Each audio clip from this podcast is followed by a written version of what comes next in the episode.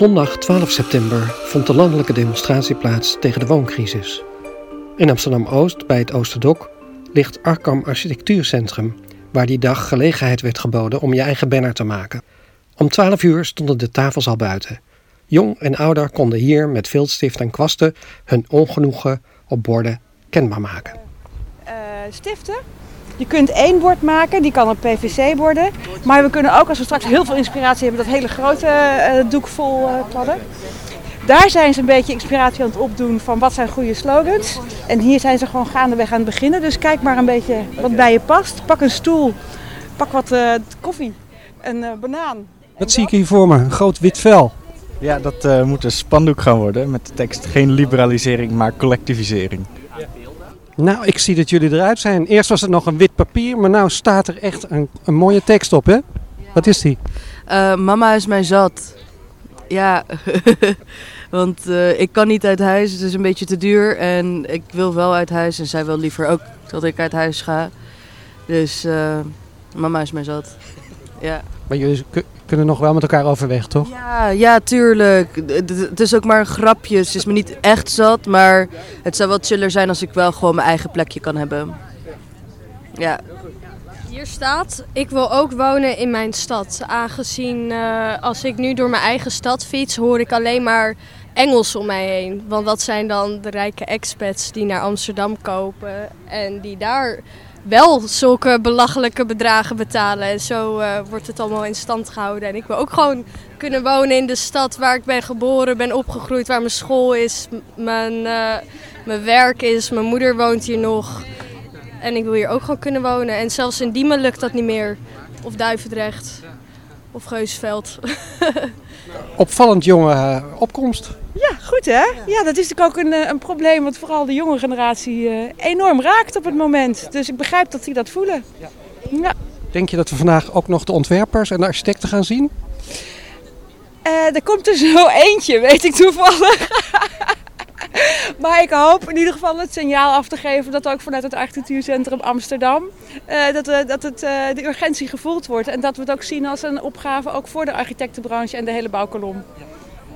De bouwkolom die, ja, heeft eigenlijk maar één adagium. Dat is bouwen, bouwen, bouwen. En dat is nogal voor de hand liggend natuurlijk. Ja, de bouwkolom is natuurlijk ook niet zo eenduidig als dat. Maar wel duidelijk is dat bouwen, bouwen, bouwen alleen de oplossing niet is. Dus dat er veel meer dingen nodig zijn. En uh, dat die ook uit allerlei hoeken en gaten moet komen. En dat zal ook uh, bij de ontwikkelaars uh, vandaan moeten komen. En de financiële wereld, en beleggers. en er gebeurt ook al heel veel, ook bij woningcorporaties, vanuit gemeentelijk beleid. Maar ja, het is niet genoeg. Anders stonden we hier niet vandaag.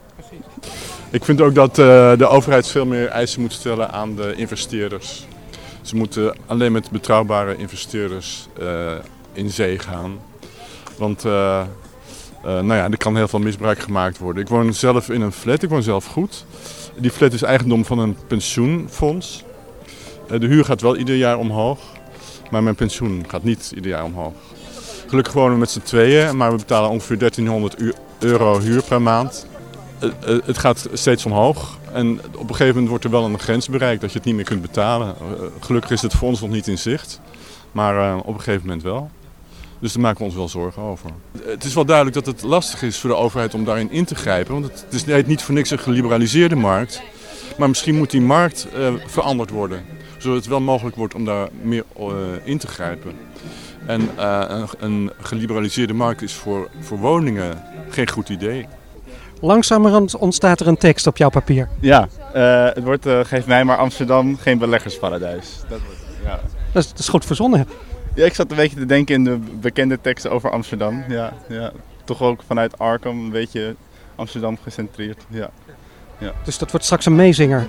Ik hoop dat iedereen gaat zingen.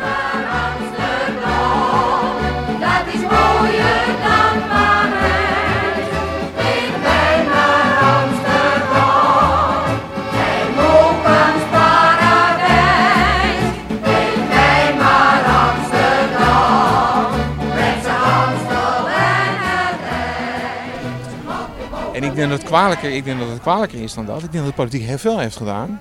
Heel veel heeft gedaan om dit probleem te veroorzaken. En ik denk dat, uh, en, en, wat we nu ook zien, ik heb ook gehoord, ik heb, ik heb gelezen dat VVD zelfs vandaag zou mee willen lopen. En, eh, of in ieder geval een afdeling ervan. En ik denk van ja, wat zij dus willen doen is eigenlijk het, probleem depolitiseren. Dit is Nederland overkomen en ook wij denken met jullie mee. Ze hebben natuurlijk hun eigen oplossingen daarvoor. Maar ik denk dat heel veel mensen die vandaag meelopen daar niet mee eens zijn. Nou goed, daar lees ik al van eh, eh, de vuurdersheffing. Ja, dat is één van de dingen. Maar er zijn heel veel, eh, veel oorzaken. Maar ik denk dat een van de belangrijkste redenen is gewoon van... Kijk, we noemen het nu tegenwoordig noemen het een, een woningmarkt. Hè? Vroeger was het volkshuisvesting. En we hebben er gewoon één grote markt van gemaakt. En ik denk dat dat een heel groot probleem is. En dat zal de VVD zeker niet erkennen. Dus wat ik vandaag wel wil gebruiken bij dit, bij dit eh, protestbord... Ik denk dat ik toch ook wel naar de VVD wil wijzen in die zin. Dat ik wel expliciet wil noemen, ook omdat niet iedereen dat doet. Omdat de VVD is er ook heel goed in om hun eigen rol daarin te verbergen. Je moet ook een beetje opvallen om andere mensen eh, hè, ertoe te verleiden om, eh, om zich hierover uit te spreken. En eh, de slogan is eh, wonen hoeft niet te lonen. Want eh, ja, wonen is een, eh, is een behoefte. Dat is niet iets om eh, enkel geld aan te verdienen. Ja, zeker. Ik wil eigenlijk eh, refereren naar de uitspraak van Jan Schever, de oud-politicus van Amsterdam. In gelul kan je niet wonen. En ik wil er eigenlijk een soort variatie in kapitalistisch gelul kan je niet wonen. Mooi met de grachtenpandjes erbij. En eh, nou ja, dat wordt wat ik wil gaan maken. Ja. Volgens mij, of eergisteren, hadden ze de universiteit bezet. Eh, 600 studenten, internationale studenten. Omdat zij in tentjes eh, moeten slapen. Of bij vrienden. En die kunnen gewoon, die hebben geen kamer, maar die zijn daar wel.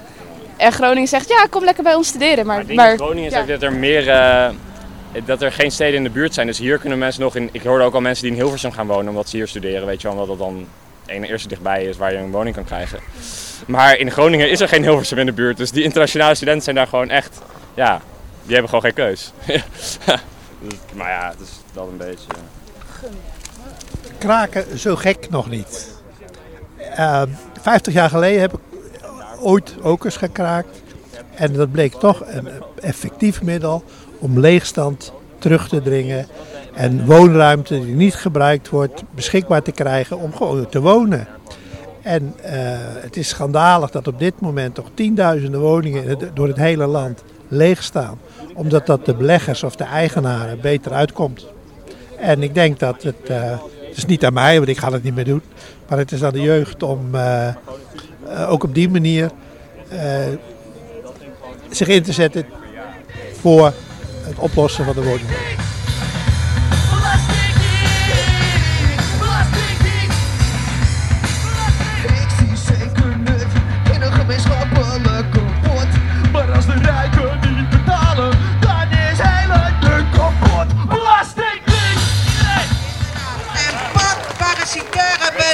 Aan.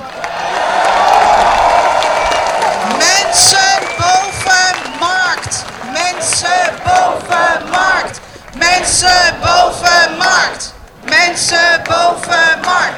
Kortom, het wordt tijd dat we weggaan van woningmarkt en dat we weer teruggaan naar volkhuisvesting.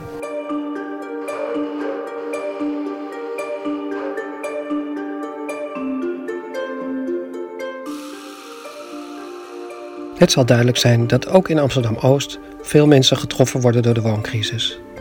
Daarom gaat Geluiden uit Oost dit najaar een serie podcast maken waarin we pogen beweging in dit thema te krijgen en in oplossingen gaan denken. Dit was Geluiden uit Oost. Bedankt voor het luisteren. Wil je reageren? Dan kan dat op hello@geluidenuitoost.nl. Tot de volgende keer.